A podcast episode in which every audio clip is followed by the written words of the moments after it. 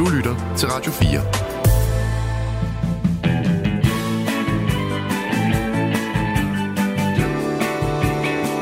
Velkommen til Only in America.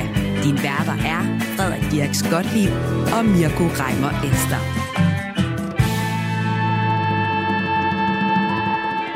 Mirko, Mm. hvad er det værste, du nogensinde har gjort i skolen? Hmm. Da jeg gik i 10. klasse, øh, der blev jeg så irriteret på en pige fra 8. som blev ved med at tale grimt om mig, at jeg i en pause gik ind i deres klasseværelse, øh, trak bukserne ned, viste hende min bare røv, og sagde, se dig selv i spejlet, din so. Og så gik jeg. Du gik simpelthen og moonede en hel klasse? yes. Nej, hvor sindssygt. Og så sagde hun, det var faktisk virkelig godt svar, så sagde hun, mit ansigt er ikke så behåret. Fik din mor det at vide? Nej, ikke som jeg husker det. Nej, okay. Nå. Jamen altså, jeg vidste ikke, du var sådan en bad boy, Mirko, men øh, det, øh, det er desværre ingenting i, i, i, i forhold til det, vi øh, desværre jo skal Ja, tale om det, i dag. det, det at sige. More than 300,000 children, children have been exposed to gun violence in their schools. Den 30. november 2021 udspillede endnu en tragedie sig i Michigan i USA, da 15-årige Ethan Crumpley skød og dræbte fire elever på Oxford High School, hvor han selv gik i skole. An alleged lone gunman, a 15-year-old student, is in custody at this hour. Police say he was armed with a semi-automatic handgun. Byen har efterfølgende været i sorg, og Ethan Crumpley, der blev anholdt efter forbrydelsen, er blevet idømt en livslang fængselsstraf. I am a really bad person. I have done terrible things that no one should ever do. Men det stopper ikke her. Ethans forældre Jennifer og James Crumpley blev også sigtet for forbrydelsen. Today, Jennifer and James Crumbley find themselves on suicide watch in the same county jail as their 15 year old son. Their capture came after an intense manhunt. Og forleden blev Jennifer Crumpley kendt skyldig i fire punkter for uagtsom manddrab, og dermed den første forælder til en person, der har begået et skoleskyderi, som får en straf for barnets handlinger. That's why, even though she didn't pull the trigger on November the 30th, she's responsible for those deaths. Det er en kendelse, som juryen traf efter at have gennemgået forløbet før og under den grusomme hændelse, og som kan få enorme samfundsmæssige juridiske konsekvenser fremadrettet i USA. I've asked myself if I would have done anything differently, and I wouldn't have. But prosecutors painted a very different picture, portraying Crumbly as a negligent parent who ignored warning signs in Ethan. I denne uge i Only in America dykker vi ned i den uhyggelige sag, det juridiske efterspil, og hvordan populærkulturen har forsøgt at bearbejde de uretfærdige hændelser. Og så ser vi nærmere på, hvordan et land som USA kan have så mange skoleskyderier, og hvad man gør for at forhindre dem. Velkommen til Only in America. Mirko, i dag skal vi jo tale om en rigtig, rigtig grim sag. Mm. Det er ikke nemt at tale om det, vi skal i dag, men øh, det er en sag, som er blevet omtalt så meget i USA, og som kommer til at få så store implikationer på potentielt på retssystemet og på forældrerollen mm. i USA, fordi det er for første gang nogensinde er sket, at en forældre til et barn, der har begået et skoleskyderi, som der jo desværre er mange af i USA, øh, er, blevet, øh, er blevet kendt skyldig i uaksom manddrab. Ja, præcis. Det er jo det, der, der, der kan man sige, er det store perspektiv her. Øh, man vil jo ønske, at man kunne sige, at det, at der var et skoleskyderi, var det store perspektiv. Det ville det jo være i vores del af verden, mm. at hvis der var et skoleskyderi, ikke? og der var en, øh, en elev, der dræbte øh, fire af sine, øh, af sine øh, elever, ikke? Øh, Ja. eller fire andre elever i, i skolen. Øh, det er jo desværre en mere, en mere regelmæssig ting, øh, vi, vi ser i USA. Det er noget af det, jeg hader allermest med mit eget arbejde som analytiker, når du skal ind og kommentere de her sager. Ja. 311,000 children have witnessed gun violence at 331 schools since the Columbine shooting in 1999. In 2021, there were 42 school shootings, more than any year since at least 1999. Men det store perspektiv her er lige præcis, at man har valgt fra anklagemyndighedens side at sige, jamen vi mener, at øh, Ethan Crumleys forældre bærer et juridisk medansvar. Øh, Og det er jo interessant af to årsager, fordi den ene er nemlig lige præcis, at man jo gør det i forhold til en kriminalsag. Fordi i USA har du jo et retssystem, hvor man også kunne have ført en civil sag Mm. øh, mod forældrene, hvilket vi faktisk ofte ser i, i, i den slags... Kan jo også komme kultur. efterfølgende, ikke? Præcis. Ja. Men jeg tror, det er mit klare indtryk, at de færreste faktisk havde regnet med, at anklagemyndigheden i Michigan faktisk vil have succes Ja. med at få øh, nu i første omgang jo fordømt øh, Ethan Crumleys mor, altså Jennifer øh, Crumley, øh, skyldig. Og der er jo meget, vi vender tilbage til det, men der er jo meget, der tyder på, at faren også øh, bliver øh, kendt skyldig, hvis moren også er blevet kendt skyldig. Ikke? Jo, absolut. Og man kan sige, det har jo handlet om at redegøre for, eller prøve at bevise, at forældrene, og i det her tilfælde Jennifer, øh, moren, øh, at hun har haft en ikke, ikke aktiv del i øh, skyderiet, men i hvert fald har været så tilpas ligeglad, overset vigtige detaljer i, øh, i barnets opvækst og, og, og barnets du ved, mentale sygdom, at man faktisk kan gå ind og sige, at, at, hun, er, øh, at hun på en eller anden måde har, har del i, i den frygtelige, frygtelige tragedie, som jo så udspillede sig på øh, Oxford High School mm. i øh, Michigan. Det er, jo det, det er jo det, man virkelig skal forstå i den her sag, at det her er ikke ordnet set et spørgsmål om, øhm, har hun ikke været sit ansvar værdig? Det er det selvfølgelig også, men juridisk set handlede det lige præcis om, at juryen i Michigan skulle forholde sig til, er hun skyldig i, medskyldig i, at de her fire elever blev dræbt. På trods af, og det er jo der det store, sådan kan man sige, juridiske paradoks kommer ind, på trods af, at hun jo ikke var i nærheden af gerningsstedet, Mm. øh, på trods af, at hun selv sagt ikke har affyret øh, det våben, På som trods af, søn hun, har brugt. hun faktisk heller ikke har købt våbnet, men det er Ja, derimod præcis. faren øh, Ja. øh, sammen med, med Ethan. Ja, øhm, og der kan man sige, der var jo under retssagen, altså øh, anklagemyndigheden havde jo, det er også derfor mange troede, de ikke ville komme igennem med det, havde jo ikke kun én teori, de præsenterede øh, for, for den her øh, 12 personer. Øh, jury, de havde faktisk hele to. Ikke? Den første teori var det, man i juridiske termer i USA kalder gross øh, net... Det kan jeg, Negligence. ja, det kan jeg ikke udtale. Det skal, det, tak. øhm, og det er jo lige præcis, at, og det sagde anklagemyndigheden også meget tydeligt, at hende, altså moren, Mm. she caused death. Hun forudsagde, at der var folk, der døde. Mm. Og det gjorde hun, fordi hun simpelthen, det er jo sådan underforstået i det her, hun burde have set det her komme. Ja. Det er jo en ret vild. Hun valgte simpelthen at, at, at, at kigge den anden vej bevidst, selvom hun godt vidste, at det ville ske. Ja. Eller hun burde have vidst, at det, der skete til sidst, et skoleskyderi, var det, der ville ske. Ja. He literally drew a picture of what he was going to do. He drew a picture. It says, help me. Og der- der skal man hele tiden huske, også når vi begynder at rulle sagen ud for alvor, det kan man godt mene, men i en juridisk forstand betyder det i USA, at det skal du kunne påbevise over for juryen beyond a reasonable doubt, Mm. uden for enhver rimelig tvivl.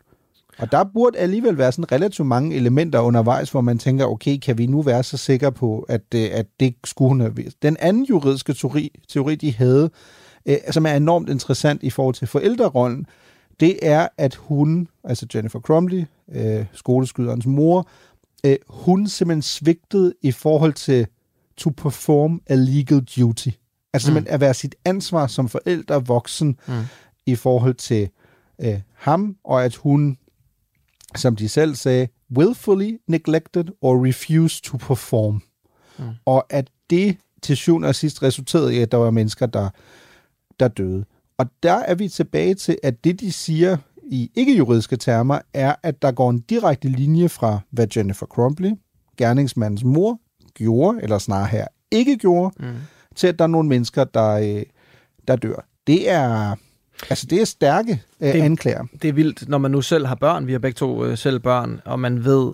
Og vi, vi er jo så ikke helt be- begivet os ind på det der teenage-territorie endnu, vel? Og, Mm. Men man ved jo, hvor, hvor lidt teenager delagtiggør sine forældre i, i de tanker, de har, om det så Ja. er øh, potentielt mental sygdom, eller øh, hvad kan man sige, øh, ting, de godt selv ved, ikke er særlig sunde hobbyer, øh, for eksempel at sidde og lave Molotov-cocktails i sin kælder, eller noget af den dur. Det er måske ikke lige forældrene, man hiver i øh, i første Mm. omgang, mm. hvis man har det sådan, og man ved også, hvor mange forældre, øh, der vælger, fordi det er hårdt at tage hånd om børnenes problemer, øh, ikke fordi de regner med, at de vil skyde en skole op, men fordi Mm. mm. man tænker, ah, han skal nok bare lige igennem den her teenageperiode, og så skal han nok komme nogenlunde øh, sund og rask ud på den anden side. Altså, hvor mange forældre regner med, at deres børn kunne finde på at gå, begå øh, den her form for, øh, for kriminalitet. Ikke? Og det er så det, som, som retssagen har handlet om, og det har været, det har været ret vildt at, at læse om. Og det er også der præcis, jeg tror, man, man virkelig, det er virkelig vigtigt, at man sådan ruller sådan en sag ud i detaljer, fordi når man kender hele forløbet, så tror jeg, man kommer tættere på at forstå, hvorfor ja. vi ender med, med den her historiske dom. Og selv der skal man hele tiden ligesom holde sig for øje, at de fleste juridiske eksperter stadig efter, at man kendte alle de her fakta, som kom frem under retssagen, jo ikke havde regnet med, at øh, retten vil gå øh, så langt i forhold til at erklære en, en person medskyldig for et mor, øh, som, som vedkommende jo ikke har været i nærheden af begå. Ikke? Vi ved stadig ikke, hvor lang tid hun kommer til at få i fængsel, og der er jo også stadigvæk mulighed for en appel øh, eller ankesagen. Ja. Så, så, så det efterspil øh, har vi til gode endnu. Men lad os starte med at kigge på, hvad der sker øh, den 30. november 2021, mm. hvor, hvor den her øh, frygtelige begivenhed altså finder sted. The deadly school shooting in Michigan at Oxford High School. That's about an hour north of Detroit. Three students killed, at least eight others injured, including a teacher. An alleged lone gunman, a 15 year old student, is in custody at this hour. Police say he was armed with a semi automatic handgun. Dagen starter jo med et tydeligt tegn på en Ethan, altså Ethan Crumbley her, som er 15 år gammel, øh, at han var forstyrret. Altså fordi der sker faktisk det, at han er til matematik på skolen, inden skoleskyderiet finder sted, øh, hvor han tegner et billede af døde børn, hvor han skriver blod alle vegne. Ja. Øh, tankerne vil ikke stoppe. Hjælp mig. Altså, det er jo som taget ud af en grotesk dramafilm ja. om det her emne. Øh, de ringer så til Ethans forældre, som kommer ind til et møde, og skolen lader så forældrene, altså det er i hvert fald sådan, som vi, vi regner med, det er fundet sted, at ja. skolen lader forældrene bestemme, øh, hvad Ethan så skulle den dag. Skulle han med hjem, eller skulle han blive i skolen? Og øh, de siger så, at han inden for 48 timer skal have terapi og mental hjælp, ellers så vil de ringe til myndighederne. Mm. De beslutter så, at han kan blive i skolen, Øhm, ja. Hvad de glemmer at fortælle på det her tidspunkt, forældrene, mm. er, at de ved, at Ethan har et håndvåben. Han har en 9 mm semiautomatisk SAG pistol, som øh, han har købt sammen med sin far. Ja, og som juridisk set, øh, bare hvis man stusser over det i det her øjeblik, juridisk set jo ikke er hans. Det er faren, der har købt den, står mm. i farens navn, men vi vender tilbage til, at den er specifikt købt til ham fire mm. dage inden. Mm øh, som en tidlig øh, julegave.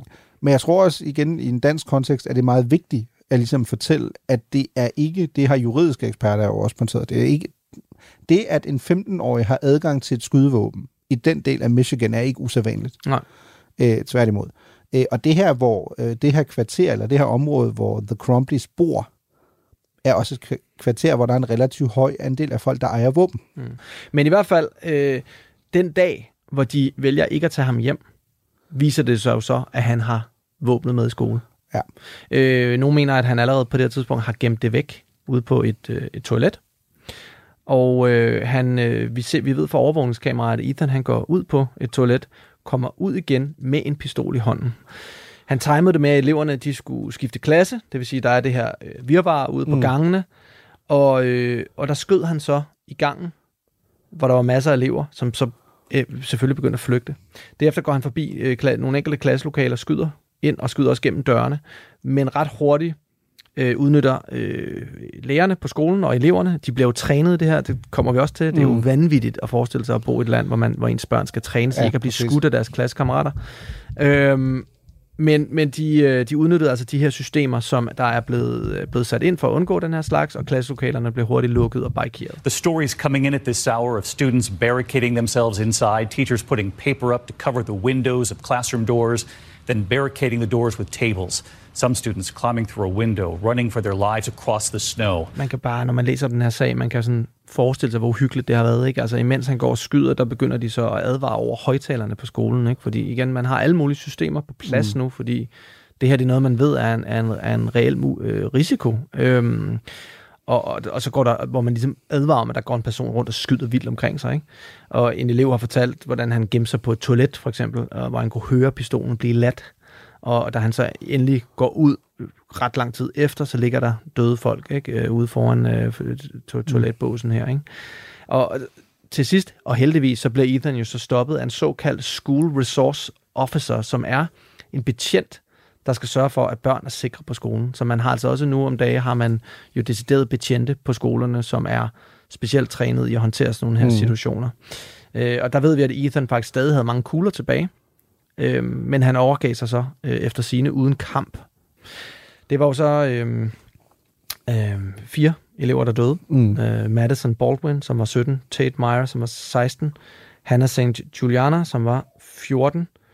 Øhm, og så øh, 17-årige Justin Schilling, som døde på vej til hospitalet fra sin, øh, fra sin skader. Og allerede, man kan sige, allerede der, ikke? altså bare hvis man kun kendte den del, altså kun den 30. november øh, 2021, hvis man kun havde hørt, okay, en dreng bliver om morgenen taget i at have tegnet en tegning, der er forstemmende og forstyrrende, ikke? Som, som du også redegjorde for, ikke? Altså øh, en person, der står med et våben i hånden, blod, øh, ikke? blod over det hele, øh, stemmerne forsvinder ikke, jeg har brug for hjælp, og så videre. Allerede der vil du have tænkt, okay, ham der, han skal hurtigst muligt have professionel hjælp. Ja. Øh, en, en del af det store, som jo også har ramt øh, hans forældre, altså øh, Jennifer og James Crumbley, øh, i forhold til den massive kritik, der har været af deres rolle i alt det her, som vi selvfølgelig også kommer til at tale lidt mere om, det er jo i hvert fald i forhold til den 30. november, det er, at de ikke tager ham med hjem. Ja. Ikke? Fordi de får jo muligheden fra skolen at sige, vi tager ham med hjem. Det gør de jo ikke. Nej. Og dem, der sådan er lidt bagkloge her, har sådan efterfølgende sagt, men hvor er de dårlige forældre? Det kan jo simpelthen ikke passe. Øhm, hvis man skal være fair, øh, vi har jo ikke nogen chance for at bedømme, hvad der er rigtigt og forkert i forhold til deres overvejelser, men hans mor siger jo under retssagen, at grunden til, at de mener, det er bedre, at han bliver i skolen, det er, at han faktisk har det bedre mentalt, når han er sammen med sine klassekammerater, Ja. end hvis han er alene. Han er ikke god til at være alene. Nej, han er ikke god. Og de ved heller ikke, at han har pistolen med jo. Det Nej. skal også lige siges. Ikke? Og ja. der har vi jo også, fordi noget af det, som har været det, der har vejet tungest i retssagen imod Jennifer Crumbley, har været de her sms-beskeder mellem hende og hendes søn Ethan. Mm. November 30, 2021 at 1:18 p.m.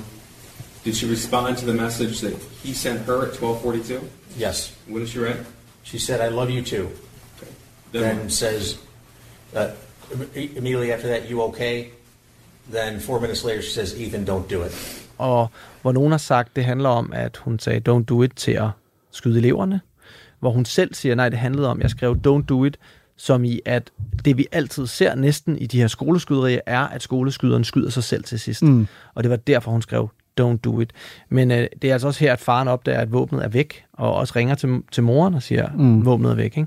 Så de opdager det også, øh, men, men altså stadigvæk fuldstændig sindssygt. Der er jo ikke noget, der tyder på, at forældrene har ønsket, at han skulle begå øh, skoleskyderi. Det er jo ikke der, vi er henne. Det kan man godt, øh, den sølvpapirshat tænker jeg godt, man kan lægge væk. Ja. Men, men, men simpelthen, som du også øh, indledningsvis opridsede meget fint, Mirko, øh, simpelthen har, har vendt det døve øre til for, i for høj en grad. Ikke? Det er også ret vildt, at man på den her skole bruger det her system, som jeg nævnte før, der hedder ALICE.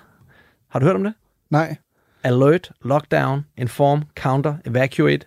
Og det er altså et system, som skal hjælpe børn og voksne med at overmande en, en skoleskyder, og, og lærerne er også instrueret i at bruge en såkaldt nightlock, som er sådan en, der er blevet sat på alle døre på hele skolen, så du kan fuldstændig barrikere dørene, så der ikke kan komme nogen ind. Ikke? Mm. Altså, det er jo så sindssygt, at man er kommet frem til, at det her er vi nødt til at gøre, for at undgå, ja. at eleverne skyder hinanden. Ikke? Men det er også, hvis man, altså, hvis du har psykisk syge børn, øhm, og du måske har børn, der ikke har det godt, ikke, ligesom Ethan ikke har det godt derhjemme, og så samtidig oven i det kan du lægge øh, det faktum, at det er ekstremt nemt at få fat på et håndvåben, ikke? Mm. Øhm, så, så er det jo en, virkelig en sprængfarlig kombination. Der er jo også øhm, det element i det, hvis man skal tage den her, den her øh, viljesag endnu videre. Ikke? Det, der jo også virkelig falder øh, Jennifer Crumbley til last, er jo, at efter det her sker, så flygter hun jo. Mm. Ikke? Og det gør, Både hende og hendes mand. Præcis, de flygter begge to. Ikke? Ja. Two hours after the prosecutor announced charges Friday, police say the Crumbleys checked out of a motel where they had been staying and withdrew $4,000 in cash from a bank. De har fundet en time, halvanden væk, øh, hvor de har gemt sig i sådan et, et form for sådan et gammelt varehus, der er blevet et atelier. Ja, studio. Ja, præcis. Ja. Øhm, I retssagen siger hun jo selv, at det gør de, fordi både de er simpelthen sådan bange for deres egen sikkerhed, i forhold til da det kommer frem, at deres søn har, har begået det Mm. her øh, skoleskyderi, men det er klart, at i en retssag vil det ofte kunne blive tolket som øh, det, man kalder admission of guilt. Ikke? Altså, du er sådan indirekte erklærer ind, at du ved godt, der er noget galt, og det er derfor, du flygter. Agtigt. Og så er der en anden sag, som jeg synes er meget interessant, og jeg er sådan også interessant, sådan, interesseret i at høre, hvad du synes, Frederik, fordi jeg synes, en ting, der jo også er blevet brugt meget eller der er to, men lad os starte med den første. Et argument, der virkelig er blevet brugt imod Jennifer Crumbley her, det er, at hun angiveligt har haft en affære, Mm. måske endda flere, Mm. øh, mens det her stod på. Anklagemyndigheden brugte det jo i hvert fald Mm. i, øh, i den her sag. Og jeg sad som, som lægemand sådan lidt og tænkte, hvorfor er det relevant? Hvorfor Mm. skulle det være relevant for sagen? Der er jo, to, der er jo flere ting i det. En ting Mm. er, at de, de, øh, øh, han er jo faktisk en af vidne, ham hun har en affære med. Og han gør det jo rimelig klart, at han mener, hun kunne have gjort mere for at stoppe Mm. det. Så det er en ting, som man kan sige, den mand, hun har en affære med. Er det relevant, at hun overhovedet har en affære? Isoleret set, nej. Altså folk kan jo gøre, hvad de vil. Altså. Mm. hvor mange men- mennesker har ikke affære rundt omkring i verden, ikke? Altså vi kan jo ikke dømme dem alle sammen. men, men, men på den anden side kan man sige, det, ta- det taber jo ind i et billede af ikke Ja. at være mentalt til stede derhjemme. Øhm, du har en dreng, som altså kalder på hjælp, bogstaveligt talt kalder på hjælp. Du nægter at give ham det. Han havde også sagt, at han havde brug for at tale med nogen om hans psykiske problemer, hvor faren havde sagt, at du må du bare lige ret ryggen og tage dig sammen, ikke? Og, ja. og hun havde nægtet ham hjælp og nærmest grint af ham. Ikke? Øh, nogle gange har vi også på sms'er set ham række ud til hende, til moren, hvor vi, vi kan se, så kan man sige, jamen, har hun læst de sms'er? Jamen vi ved så, at hun samtidig har stået og taget selfies med en hest eller et eller andet, hun, hun er ude at ride. Ja, der er jo i hvert fald præcis. Der er altså, jo også den, ja, det er jo også en af de her kulørte detaljer, der er kommet frem i løbet af retssagen. Og noget af det, som anklagemyndigheden jo også lægger enormt meget vægt på i forhold til også er jo tegne det her billede og give det her billede af hende, at hun er bare en forfærdelig mor, øh, der simpelthen ikke er til stede. Det er jo, at efter hun så kommer ind og sidde, så i de samtaler, hun har haft med familiemedlemmer, der har besøgt hende i fængsel, Mm. så har hun været mere optaget af at tale om de der heste. Mm. Øh, Blandt andet, hun har blandt andet åbenbart talt om, hun gerne vil lave sådan en GoFundMe-kampagne til hestene, Mm. så hun ligesom kan beholde dem. Øhm, og hun har stort set ikke talt om Ethan Crumley, altså hendes søn, der jo... Han må øhm, ikke engang få en psykolog. Ja, der hverken kunne få en psykolog dengang, og der i øvrigt jo har, i hvert fald i første instans nu, erklæret sig skyldig, og som jo er blevet dømt skyldig, og som hvis den øh, dom ikke bliver anket eller bliver underkendt, jo kommer til at sidde i fængsel resten af sit liv uden mulighed for prøveløsladelse. Ja, det kommer nok til at ske, ikke? Ja. Så, og man kunne jo, det er der vi er tilbage til, man kunne jo tænke, at hvis, øh, hvis det var sket for dit barn, så kunne du måske være lidt optaget af, at, hvad der er sket for din søn, og at han nu som massemorder skal sidde resten af sit liv bag trammer. Ikke? Altså, Ethan Crumley er jo kun 17 år gammel i dag. Ja, ja. Men det er jo også derfor, det er mystisk, at de stikker af, ikke? Fordi en ting er, at selvfølgelig at folk var ved at finde høtyvene frem i, mm. I den her lille by. Øh, det ved vi, at det var, stemningen var, var rigtig, Ja. rigtig, rigtig ubehagelig, ikke? Og der var nok nogen, der gerne ville have fat i dem. På den anden side kan man også sige, ja, men du stikker af fra det hele, inklusive din søn, hvis Præcis. liv er ødelagt, ikke? Øhm, jeg ved heller ikke, hvor selvfølgelig, hvor rationelt man tænker i den situation der, men der er bare så mange elementer i den her sag, der, der lugter Ja, præcis. ikke så godt, ikke? Jo, også fordi, og det er der, man, man skal selvfølgelig også altid tage de, de her sådan, høringer i retten lidt med et grænsalt, fordi vi ved jo selvfølgelig, at begge sider, det er nøje indstuderet, ikke? Hun Jo. har haft øh, en række advokater, ikke? Hendes forsvarsadvokat, der skal hjælpe hende.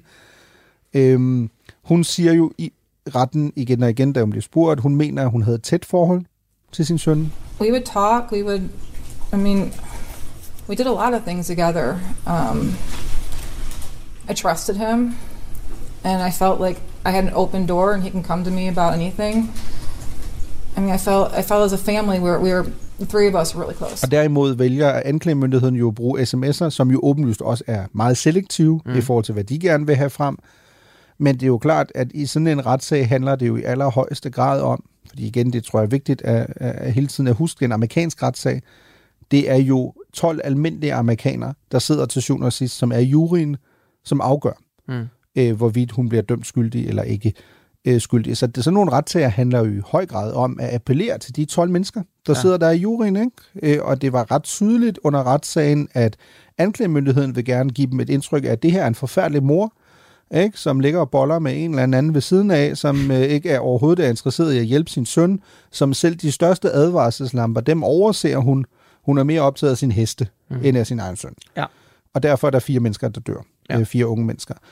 Øh, forsvaret omvendt siger, når man prøver at høre, nej, overhovedet ikke. Hvordan skulle hun have haft nogen rimelig mulighed for at groft sagt skulle vide, fordi vi vender jo tilbage til det, den 26. Mm. november, da de køber våbnet, hvor hun ikke engang er med. Det er sønnen, mm. Ethan Crumley og faren James Crumley, der køber våbnet. Hun virker ikke til at være en del af det. Hvordan skal hun kunne vide, at han fire dage senere ender med at slå nogen ihjel? Ikke? Og det er der, de jo også peger på den her sådan Pandoras æske. Og hvis I dømmer hende her for det her, hvad bliver så det næste, Mm. man som forældre kan blive kendt skyldig? Ikke? Men der kan man sige, noget af det, som der så også er blevet brugt, det er jo blandt andet, at øh, politiet, da de finkæmmede øh, huset, hvor Ethan Mm. boede i, der fandt man jo i øvrigt adskillige våben. Øh, man fandt en telefon og en dagbog. Og der var to videoer på telefonen, hvor han taler om, at øh, ville skyde folk. Ikke? Og i, i den her dagbog, hvilket også er sådan lidt overraskende, at han, at han fører dagbog, men Mm. det er der åbenbart unge, stadigvæk unge mennesker, der, Der gør. beskriver han jo faktisk meget detaljeret, hvad han har tænkt sig at gøre. Der beskriver han, hvad han har tænkt sig at gøre. Og der er også en, en, en lidt anden, lidt øh, ubehagelig øh, eller interessant linje, hvor han skriver, øh, forhåbentlig vil mit skyderi øh, få Biden øh, impeached. Altså, øh, der er noget politisk motiv måske. Mm. Altså, alt det her er selvfølgelig ikke noget, Ja. vi har set med vores egne øjne, men det er jo efter sigende, hvad der skulle have stået i hans, i hans dagbog. Og som jo har fyldt meget, fordi igen, anklagemyndigheden har brugt den her øh, dagbog rigtig meget, og der øh, har forsvaret jo så sagt, men undskyld mig, hun har jo ikke læst den. Mm. Ikke? Og den synes jeg er vældig interessant, fordi det er jo lige præcis, altså, okay, men altså også som, som forældre selv, altså vil du gå ind og læse din børns dagbog, hvis du fandt dem? Men det vil man jo ikke. Altså det er jo, det er jo sindssygt dårlig stil. Men så er der jo nogle andre ting, altså, vi også lige skal have med, fordi det er jo igen, det er jo ikke fordi, altså Ethan Crumley var sådan en kordreng, hvor man bare lige pludselig stod der den 30. november og tænkte, gud ham, det havde Nej. jeg aldrig troet. Nej. Vi taler jo om en person, der har nogle enorme udfordringer. Øh, hans øh, hund døde. Han er tortureret dyr. Ja, vi. præcis, den kommer vi til lige om lidt. Ja. Det er så ikke hunden, så vidt Nej, vi ved. nej, okay, men, okay. Øh, men hunden, øh, som han åbenbart var, havde et meget oh, tæt forhold til, den dør. Og han bliver meget deprimeret over Han det. bliver meget deprimeret ja. over det. Hans bedste ven øh, flytter. Ja. Så han mister nok to af de ja, personer, hvis man skal kalde det det, eller i hvert fald et kæledyr, en person, der står ham meget tæt.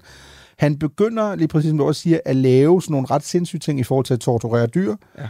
Øh, også øh, slå dem ihjel. Et meget konkret eksempel, og nu må jeg lige lukke ørerne, fordi det er ret klamt, er, at han jo slår hovedet af, jeg mener, det er en høne eller en kylling, Ja. og så tager hovedet med ind i skolen. Han har det i sådan et øh, jar, altså i sådan en marmeladeglas eller sådan Ja. noget, og tager det med over på skolen og sætter det. Ja. Og det er, jo, det er jo alle de klassiske tegn på en, en, en, en sindsforvirret person, som med voldelige tendenser. which included uh, hallucinations of demons and ghosts, torturing animals, even filling an entire notebook apparently with drawings of guns. Han er også blevet beskrevet af skolen som værende lidt på den voldelige side, men ikke mm. som sådan en altså, komplet øh, øh, voldspsykopat, men, men i hvert fald have nogle, have nogle tendenser der. Ikke? Og det er jo også, altså, må man jo også kigge lidt på, igen vender det jo tilbage til forældrene. Ikke? Mm. Altså, de har begge to forseelser på deres straffeattest. Det er ikke sådan de mest voldsomme, men der er en, øh, en DUI, altså en, øh, en øh, altså, Ja, kørt bil, spirituskørsel, øh, spirituskørsel, og der er check fraud, ikke? Og det, det, danner, det tegner jo alt sammen lidt et billede af nogle lidt specielle typer, ikke? Og vi ved også, inden de flyttede til Michigan, der er der en nabo, øh, der har fortalt, at hun er meget bekymret øh, for Ethan, fordi hans forældre tit lod ham være alene hjemme uden en telefon. Øhm, og hun meldte det faktisk til myndighederne. Mm. Øh, så flytter de så ikke så lang tid efter det, så der kommer ikke mere ud af det, og det er så også der, øh, derefter, at hans, ja, som du skriver det, øh, hans hund dør.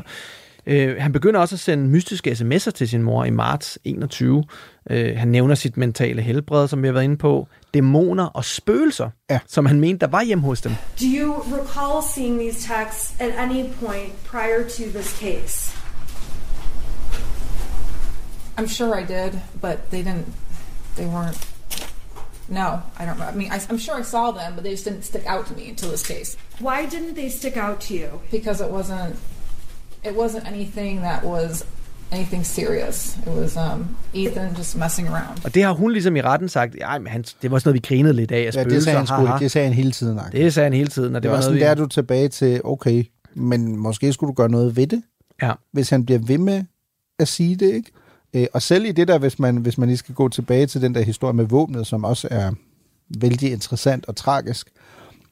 Det er den 26. november, ikke? Mm. Black Friday, ham og faren går, går ind i en, en våbenbutik ikke? og køber øh, det her våben. Og moren er selvfølgelig som sådan, altså hun ved det godt, men hun siger jo selv, at det er hun ikke rigtig en del af. Hun kan ikke lide våben. Øhm, det er sådan en, en ting, faren måske mere har. Øh, må vi se, når faren så møder i retten, om han kommer til en anden udlægning af det. Men, de, men man får et indtryk af ud fra retssagen, at det der, de køber våbnet også i et eller andet forsøg på at have noget, der ligesom bringer dem tættere på deres søn. Ikke? My son did a lot of research on it, and they're comparing different ones that they wanted to buy. Um, that went that went on for a couple of months. Um, my husband just kind of kept blowing it off, like, not you know, not right now, not right now. And then, I guess when I was out shopping, they said, well, let's go try on Black Friday, see if we can get one on sale, if there's any deals going on. Okay, so they ultimately did get one. Right. Øh, han går så ud, første gang han går ud og, øh, på skydebanen, at, som jeg husker det faktisk med faren, men moren fortæller jo selv i retten, at han på et tidspunkt spørger hende, om hun vil komme med. Ja. Og hun siger, at det betyder faktisk meget for hende, fordi normalt, så er det ikke sådan noget, hvor han bare spørger, hey mor, vil du komme med alene? Nej. Ikke? Så hun kommer med, fortæller jo så, at da de kommer tilbage, øh, fordi hun er faktisk den sidste, siger hun jo også i retten, der ser øh, morvåbnet, inden mm. han bruger det i skoleskyderiet. Og der fortæller hun jo, at da de kommer og kører tilbage, øh, så lægger hun våbnet inde i, øh, i deres SUV, i sådan et lille rum, øh, tager patronerne ud, og så lader hun våbnet ligge. Mm. Og der siger retten, eller anklager noget sådan lidt, sådan lidt, eller hvad fanden tænker du på? Jeg kan bare lade det ligge. Øh, hvor hun så siger, jamen, altså jeg har taget øh, ammunition ud, og jeg kan ikke lide at, at røre ved våben. Mm. Så derfor har jeg ligesom ladet det ligge. Ja. Ikke? Men vi, jo- igen, vi er jo sådan i en verden, som er så langt fra vores. Ikke? Altså bare ja. det der, men så går du på skydebanen med dit barn, og så lader du våbnet ligge i, i Men det er jo også der omkring, hvor, hvor, øh, hvor, vi, hvor vi ved, at han har søgt på ammunition over på skolen. Altså han Ja, har siddet og googlet ammunition. Øh, hvor, som han jo netop selv sagde, jamen, det er fordi, jeg har været på den her shooting range med min familie. Øh, hvor man nu efterfølgende selvfølgelig set i bagspejlet, måske kan, kan, kan være lidt i tvivl om det. Og hvordan reagerer moren så på, Mm. at hendes knæk sidder over i skolen og googler ammunition og alle mulige andre ting. Og husk, det altså også en dreng, der sidder og tegner alle mulige vilde tegninger og sådan noget. Ikke? Øh, der skriver hun, lol, altså laughing out loud, jeg er ikke sur på dig, men du skal lære ikke at blive taget på færds gerning. Mm. Det er det, hun skriver til ham. Jeg tror ikke, det var sådan, mine forældre havde reageret, hvis øh, skolen havde kontaktet dem og sagt, ja, altså Frederik, han ikke bare sidder og tegner alle mulige tegninger med blod og alt Mm. muligt andet. Han sidder også og googler ammunition. Og vi ved, at han er før i tiden har lavet Molotov-cocktails i sin kælder. ja, der er måske et par øh, øh, Ja, præcis. lamper, der blinker, ikke? Og jeg tror, det er der, vi også lige skal ind i, at hvis man hører alt det, der tænker man, hold kæft, hvor er det sindssygt, og det er det. Men der er jo et, et, større perspektiv her. Mm. Altså det ene er familiens situation, som vi jo også får at vide i retten, er meget, meget skrøbelig. Øhm, vi får at vide, at i forhold til det hus, de ejer, er de 15.000 dollars bagud i forhold til at betale deres øh, realkreditlån.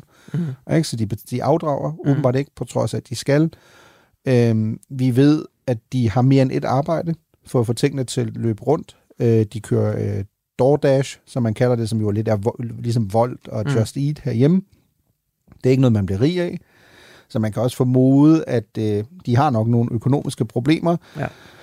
Vi får i hvert fald at vide under retssagen, at øh, der i hvert fald er, måske moren har nok en affære, Mm. så det virker heller ikke til, at det der ægteskab kører super godt.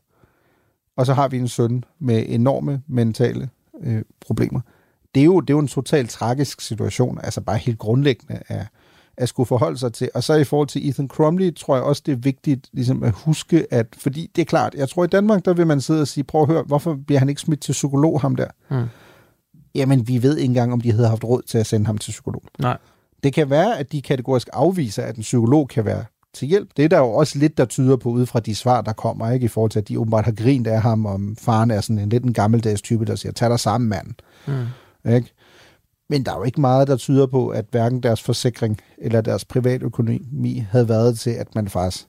Nej, men det er jo sådan, man kunne håbe, at øh, systemet kunne betale for, ikke? Men igen, det er USA. Og der har vi det med et andet problem i forhold til skolen, som selvfølgelig også spiller ind, som er et mere bredt amerikansk problem, er, og det er, at på rigtig mange af de her skoler har du jo ikke nogen uddannede psykologer. Nej. På trods af, at du potentielt har massevis af de her tilfælde som ham. Ja, du har, du har betjente, og du har øh, advarselssystemer, ja. men du har ikke noget, der på en eller anden måde kan forhindre, at det sker. Nej, og du har, øhm, i USA har du det, man kalder en school guidance counselor. Mm. Men det er bare ikke det samme som en uddannet psykolog. Nej. Ikke? Og, og jeg tror, de sidste tal, jeg har set, at selv i forhold til school guidance øh, counselor, har du typisk kun én altså person til en skole med, jeg ved ikke, hvor mange hundrede elever. Og i nærmest under halvdelen af skolerne i USA har du heller ikke sådan en. Mm. Ikke? Så du er jo også i en situation, hvor man også hjemme taler så meget om unges trivsel, og der er behov, at det er meget større, end det tidligere har været. man må formode, at amerikanske unge ikke øh, bonger totalt ud i en anden retning, og bare psykologisk set og mentalt set har det totalt fjong. Og det er jo der, den der særlige amerikanske cocktail desværre ofte bliver til. Ikke? Helbredsproblemer, mentale, kombineret med et samfund, hvor der er så let adgang til våben. Det, det ender bare øh, nogle gange virkelig, virkelig grimt. Ikke? Du lytter til Only in America på Radio 4. Det var altså øh, sagen om, om Ethan Crumbley. Øh, vi kommer selvfølgelig til at vende tilbage til den i resten af afsnittet her, men nu tænker jeg, Mirko, at vi lige skal prøve at kigge øh, på nogle af de statistikker og, og den triste mm. historie, der er i USA, når det kommer til, til skoleskyderier. I Danmark har vi jo faktisk haft et enkelt skoleskyderi på Aarhus Universitet i 1994, hvor øh, en 35-årig mandlig studerende, Flemming Nielsen øh, fra Silkeborg, øh, skyder simpelthen inde øh, i en kantine og, og, og dræber to kvindelige og øh, medstuderende og sårer to andre. Men det er jo altså en voksen person, der gør det her. En voksen person, som har været øh, skrevet ind på studiet i, jeg tror, 6-7-8 øh, år, øh, og tydeligvis også har haft nogle øh, mentale problemer. Det er der lavet en masse om, og det kan man google på, hvis man er, man er interesseret i det. Men det er heldigvis den eneste, det eneste tilfælde af, af skoleskyderier, vi har haft i Danmark. Det er jo sindssygt, når man kigger på, hvor almindeligt det desværre er blevet i USA. Men, men hvordan ser det statistisk øh, set ud i USA? Altså udover at det ikke ser godt ud? Jamen redselsfuldt, altså for, for at sige det rent ud. Uh, altså 2023, som er det seneste år, vi har data for. Uh, og jeg skal starte med at sige, at det er meget vigtigt, at altså, der er ikke en entydig definition på, hvad et skoleskyderi er i USA. Mm. Uh, der er forskellige definitioner af, hvor mange øh, lyder lidt markabert, men hvor mange der skal dø, mm. før man kategoriserer det. Øh, en, en af de store diskussioner er altid om gerningsmanden, der som du også var, var inde på, og nu ser jeg med vilje gerningsmænd, fordi det er stort set altid mænd.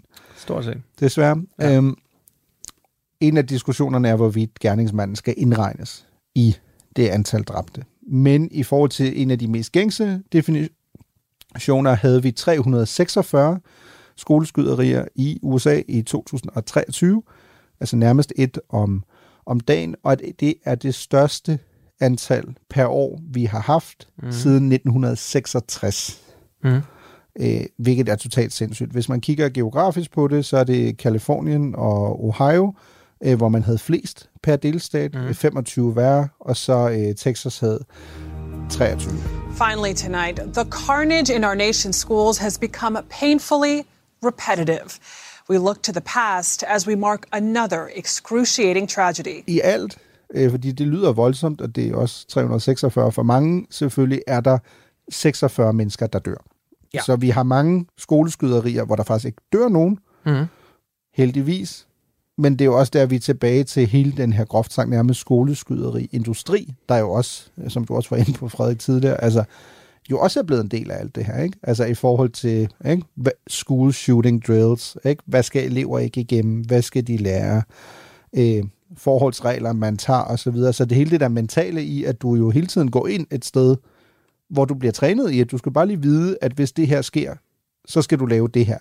Det må med mig også være hissig nok, hvis du i forvejen måske har svært ved at følge med i matematik ja, og i fransk ja, og så videre. Ja på en eller anden måde, uden at, at man skal begynde at rangere. Sådan. Men der, er, der, er, som du siger, der er et før og efter, ikke? Øh, Columbine, 20. Øh, april 1999, så også ved at være snart 25 år siden. Ja. Øhm, i Jefferson County, øhm, grundet i Colorado, så hvis man stusser lidt over, hvorfor det hedder Columbine Massacre, så er det fordi skolen hedder Columbine High School. Mm. Øhm, to elever øh, fra skolen, Eric Harris og øh, Dylan Klebold, øh, skyder og dræber øh, 12 andre elever og en lærer, øh, og yderligere 24 bliver bliver såret. Ja, det, er en af de, det er en af de helt, helt grimme, ikke? Ja. The investigation into the high school massacre is slow-moving and dangerous. The two gunmen who went on the rampage booby-trapped the building and even themselves. Og det er jo selvfølgelig øh, også som, som sådan en kulturjunkie som mig noget, som, hvor man også ser et skifte i, hvordan det bliver dækket i populærkulturen. Altså, vi får jo i, i, i 2002 Bowling for Columbine af Michael Moore. Der er sikkert mange på, på vores alder, men jeg kunne ja, huske den dokumentarfilm, fordi den gjorde vanvittigt stort indtryk. Can I help you? Uh, yeah, I'm here to open up an account. Okay, what type of account would you? Um, I want the account where I can uh, get the uh, free gun. Og, og, og, og der er øh, flere sådan nogle militante grupper i, i Michigan, som han blandt andet også besøger og snakker med, og igen også unge, utilpassede øh, knægte, øh, som, som øh, er på alle mulige lister over folk, der måske kunne begå masse skyderier osv. osv. Øh, så, så der ser vi altså også et indtog i, i populærkulturen. Jo, og som jo, apropos, altså en af grundene til, at, at det jo også virkelig er sådan en klassiker, det er, jo, det er jo en film, der vinder virkelig store priser. Ja, ja, han står jo, det var, jeg tror, det er et af de første afsnit, vi nogensinde lavede, det var jo om Oscar. Ja, Akademiet, hvor vi netop snakkede om de der politiske vinde, fordi Michael Moore har jo aldrig været bange for at sige sin mening. Øh, og han, han får jo også Charlton Heston, som er ambassadør for... Øh, the, Ja, NRA, ja. øh, præcis, The National Rifle Association, og jo en altså pro våben, man overhovedet kan være, ikke? Altså, han, er, han holder jo efter Columbine, der tror jeg, hvad er det, en uge efter eller sådan noget, der holder han en rally, fordi han godt kan se, hvordan, øh, hvordan Mm. vindene skifter i USA lige på det tidspunkt omkring håndvåben og adgang til dem, hvor han står med en riffel og siger, they're gonna pry, have to pry it from, my cold, dead hands. Dead hands. Øhm, og der, der interviewer Michael Moore ham jo også øh, til det punkt, hvor han, øh, hvor han rejser sig op og, og går fra interviewet, fordi at, øh, at spørgsmålet bliver kritisk, ikke? Uh, Mr. Heston, just one more thing. This is who she is, or was. This is her. Mr. Hed- please don't leave. Mr. Heston, please. Take a look at her.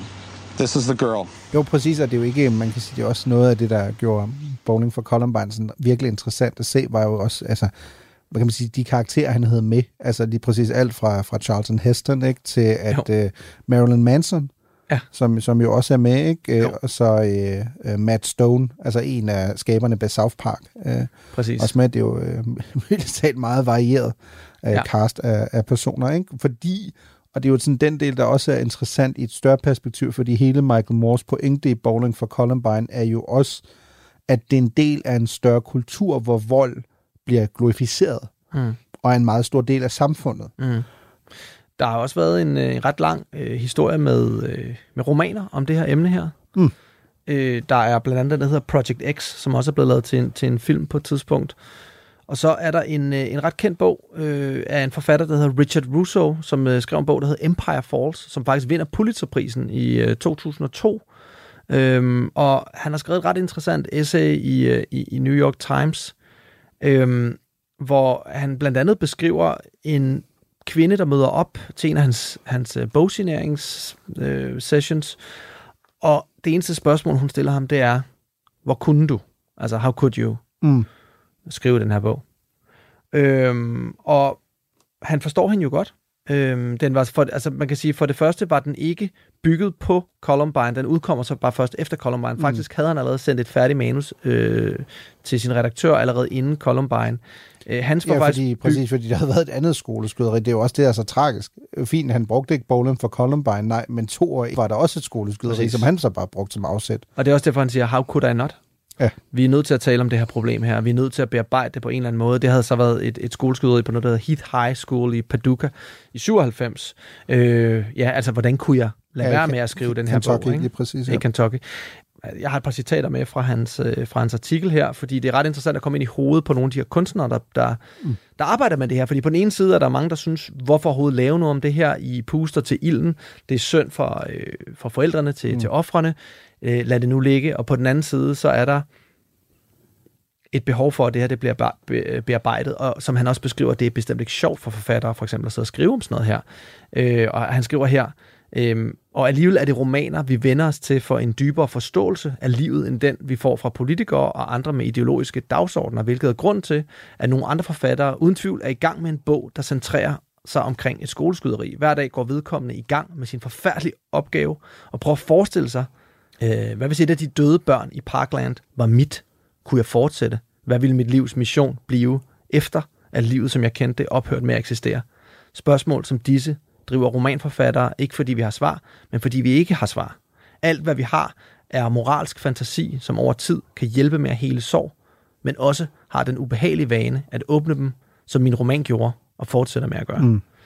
Øh, det er ret fint øh, reflekteret her, ikke? Øhm, og det er jo også derfor, at det et eller andet sted er, er vigtigt, at man gør det, og, og, og, og, og ikke uden risiko for en forfatter eller en filmskaber. Det er sådan et, selvfølgelig i populærkulturen er der sådan et før eller efter. Men det tragiske er jo, at hvis du kigger over listen over skoleskyderier, hvor sådan, øh, jeg vil ikke sådan kalde det en top 5, men det er det jo alligevel lidt, hvor mange mennesker, der dør. Mm. Så kommer der jo en masse efter. Eller en masse, men for mange, ikke? Det der er sådan, jeg tror jeg kulturelt er det, der fylder mest efter Columbine, det er jo det er Sandy Hook, ikke? Jo. Uh, elementary School uh, shooting, der kommer i december. Og som øh, jo også bliver 2012. genstand for en masse konspirationsteorier, øh, anført Ja. af Alex Jones, den øh, notoriske konspirationsteoretiker, der laver det her Infowars-program på YouTube, ja. som jo påstår, at det aldrig har fundet sted, og at det er et eller andet led i en eller anden politisk kampagne. ikke? They had the kids going in circles in and out of the building as a photo op, blue screen, green screens they got caught using. I mean, the whole thing. But remember, this is the same White House that's been caught running the fake bin Laden raid that's come out and been faked. Uh, it- it's the same White House that got caught running all these other fake events over and over again. And it's the same White House that says, I never said that you could keep your doctor when he did say you could keep your doctor. People just instinctively know that there's a lot of fraud going on. Uh, but it took me about a year with Sandy Hook to come to grips with the fact that the whole thing was fake. Ja, og som jo så Som, det er jo heldigvis faktisk det, der får ham, får ham cancelled i første omgang, det er jo, da han går ud og påstår det. Ja, og forhåbentlig også øh, kommer til at gøre ham bankrot, ikke? Altså i, i Jo. længden, fordi han er jo blevet idømt en kæmpe erstatning, ikke? Det en I- erstatning, i- han aldrig kommer til at kunne betale. Ja, ja, præcis, fordi den ligger på, altså tilbage i november blev de i hvert fald enige om, at han, det var 1,5 milliarder dollars, ikke? Ja. Dem, øh, dem tænker jeg trods alt ikke, øh, ikke, ikke han har, på 1,5 trods af, at... dollars, altså. Ja. Nej, men igen, altså prøv at forestille dig, at øh, hvis vi går tilbage til Sandy Hook, ikke? altså prøv at forestille dig 28 børn, der bliver dræbt.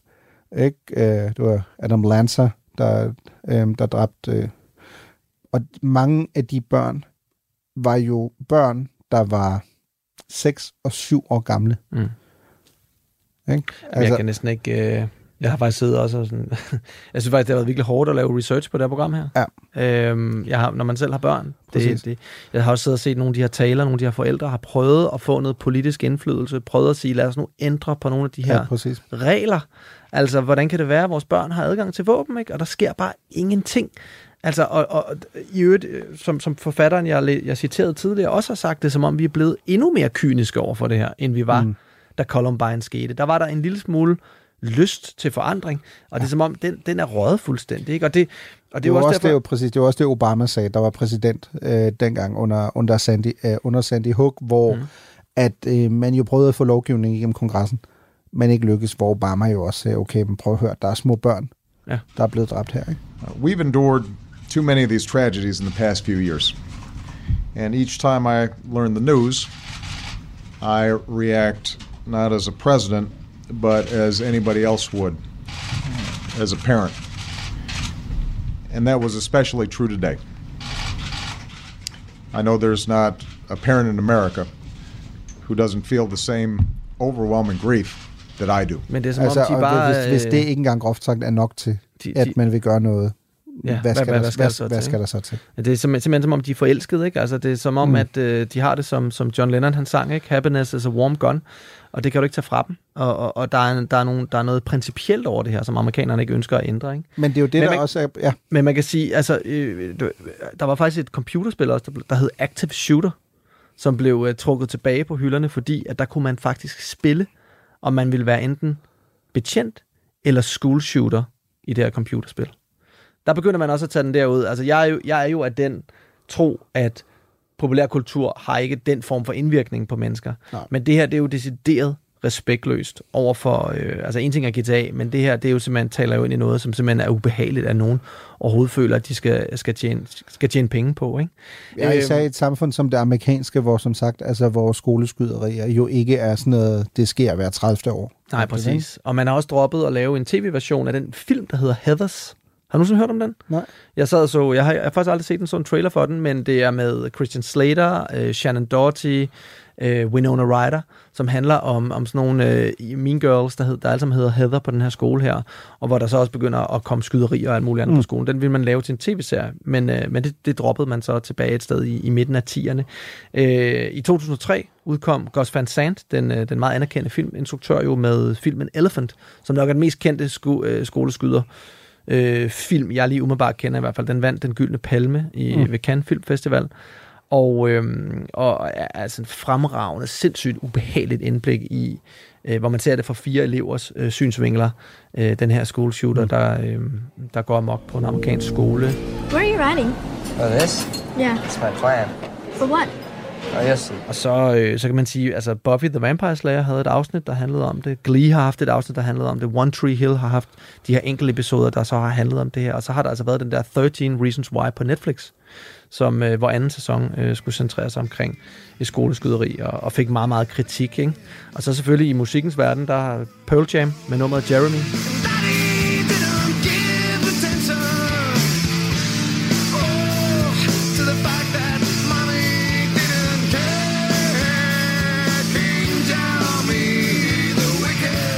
Hvor de jo synger linjerne perfekt. Øh, at han ikke fik opmærksomhed. Hverken hans mor eller far gav ham nogen opmærksomhed. Mm. Den her knægt Jeremy, øh, som så fører til, til skoleskyderi. Og Eminem bliver faktisk også censureret i sangen I'm Back, hvor han, hvor han benævner Columbine. Og selv mm. den dag i dag kan du ikke finde, tror jeg, så vidt jeg har, har kunne research mig frem til sangen, hvor Columbine ikke er bibet ud, mm. men hvor han altså går sådan i karakter som en school shooter. Ikke?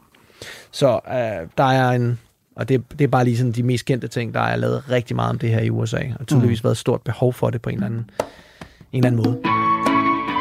Du lytter til Radio 4. Men altså, man kan sige, vi ved jo, altså nu ved vi selvfølgelig, at Jennifer Crumley, hun er blevet kendt skyldig, men vi ved jo endnu ikke, øhm, hvor lang strafudmålingen kommer til at være. Ikke? Det får Nej. vi jo først at vide den 9. april. Ja. Øh, hun står jo til hvert af anklagepunkterne, altså de fire øh, for de fire elever, der blev dræbt af hendes søn, øh, giver jo maks 15 år ja. hver. Ja. Så i teorien kan hun jo få op til 60 år. Jeg læste af nogen, der, nogle eksperter, der mente, at, hun, at de forventede, at hun får mellem 3,5 og 7,5 mm. per, ja. øh, per anklage.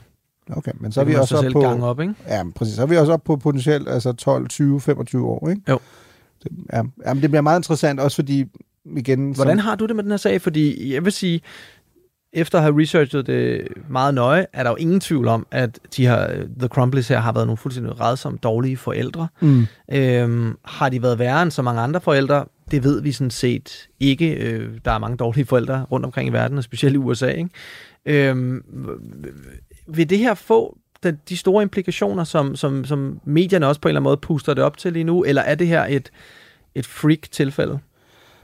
Det kan du håbe. Øh, altså, jeg er meget splittet omkring det, fordi på den ene side, ud fra sådan et retsstatsperspektiv, synes jeg, det er bekymrende, ja. at du ender med at dømme en person for ufrivilligt manddrab i en situation, hvor hun hverken har købt våbnet, hun var ikke juridisk ejer af det, øh, hun var ikke i nærheden af gerningsstedet. Det, det synes jeg som sådan er lidt et skråplan i, i et retssamfund. Ja, man kan sige, at sammenligningen, der tit bliver brugt, er, hvad hvis ens barn øh, kommer til at køre bil.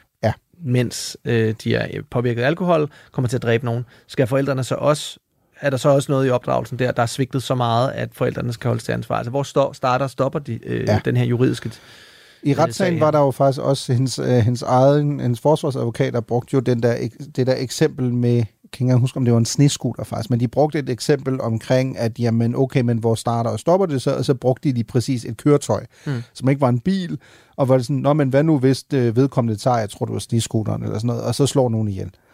Og der vil jeg så sige, det synes jeg personligt er et ret søgt argument, fordi pointen er, øh, og det er lidt det samme med en bil. En bil er jo ikke en ting, du erhverver med det formål at gøre ondt på andre. Mm. Men det gør du med et våben. Mm. Der må man trods alt sige, at der er en forskel mellem, om du køber en bil, eller om nogen tager bilnøgler, mm. som som udgangspunkt ikke har det specifikke formål at slå nogen ihjel, hvor med et våben er det ligesom lidt, du, du køber det til. Ikke? Jo. Øh, men igen, altså grundlæggende, ud fra et retsstatsprincip... Eller det er det jo ikke. Altså, det er det jo i de fleste tilfælde heldigvis ikke. Nej. Men klart, der er den mulighed, en overhængende fare. Ikke? Ja. Nej, men jeg er sådan meget splittet, fordi igen, retsstatsmæssigt synes jeg, det er potentielt et skråplan øh, og en vild præcedens. Men omvendt, altså hvis, hvis man kigger den der sag igennem, ikke?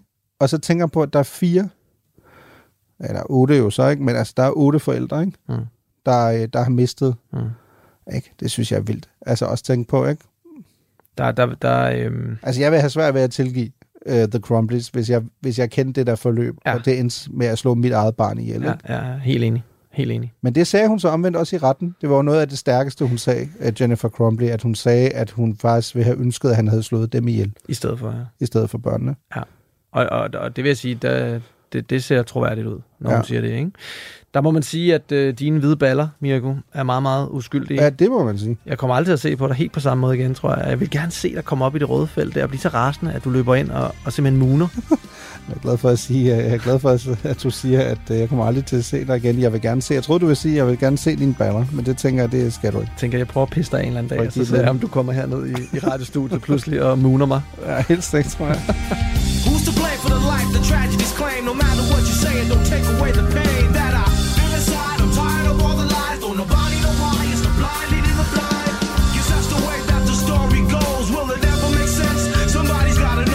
Tak fordi I lyttede med, og Mirko, tak fordi du ville have den med mig. Jeg ved godt, det har været en, en lidt hård omgang. I kan selvfølgelig gå tilbage og, og lytte til flere af vores programmer. Det er ikke dem alle sammen, der er så dystre som det her, selvom der er et par, blandt andet det her Mommy Bloggers, øh, hvis man søger noget i samme kategori. Men ellers så øh, har vi jo alt muligt andet, som også handler om meget lettere ting end det her. Blandt andet sidste uge, hvor vi jo har taget hul på nogle af vores valgspecials. Øh, har snakket en masse Taylor Swift og en masse om Super Bowl. Men øh, vi høres ved.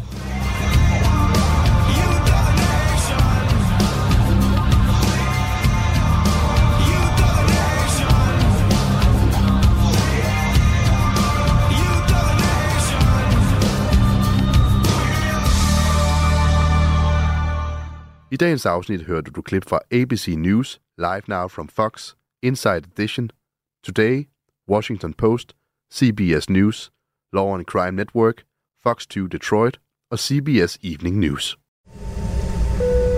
Ladies and gentlemen, welcome aboard this Northwest Orient Airlines Flight 305 with services from Portland to Seattle. En mystisk passager rækker en stewardesse en håndskreven seddel.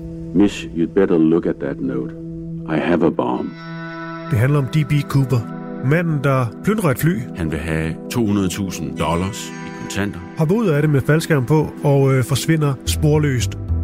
Lyt med, når Krimiland genåbner sagen om den mystiske flykabrer D.B. Cooper i Radio 4's app eller der, hvor du lytter til podcast. Det er den eneste uopklarede flykabring i FBI's historie. Radio 4. Ikke så forudsigeligt.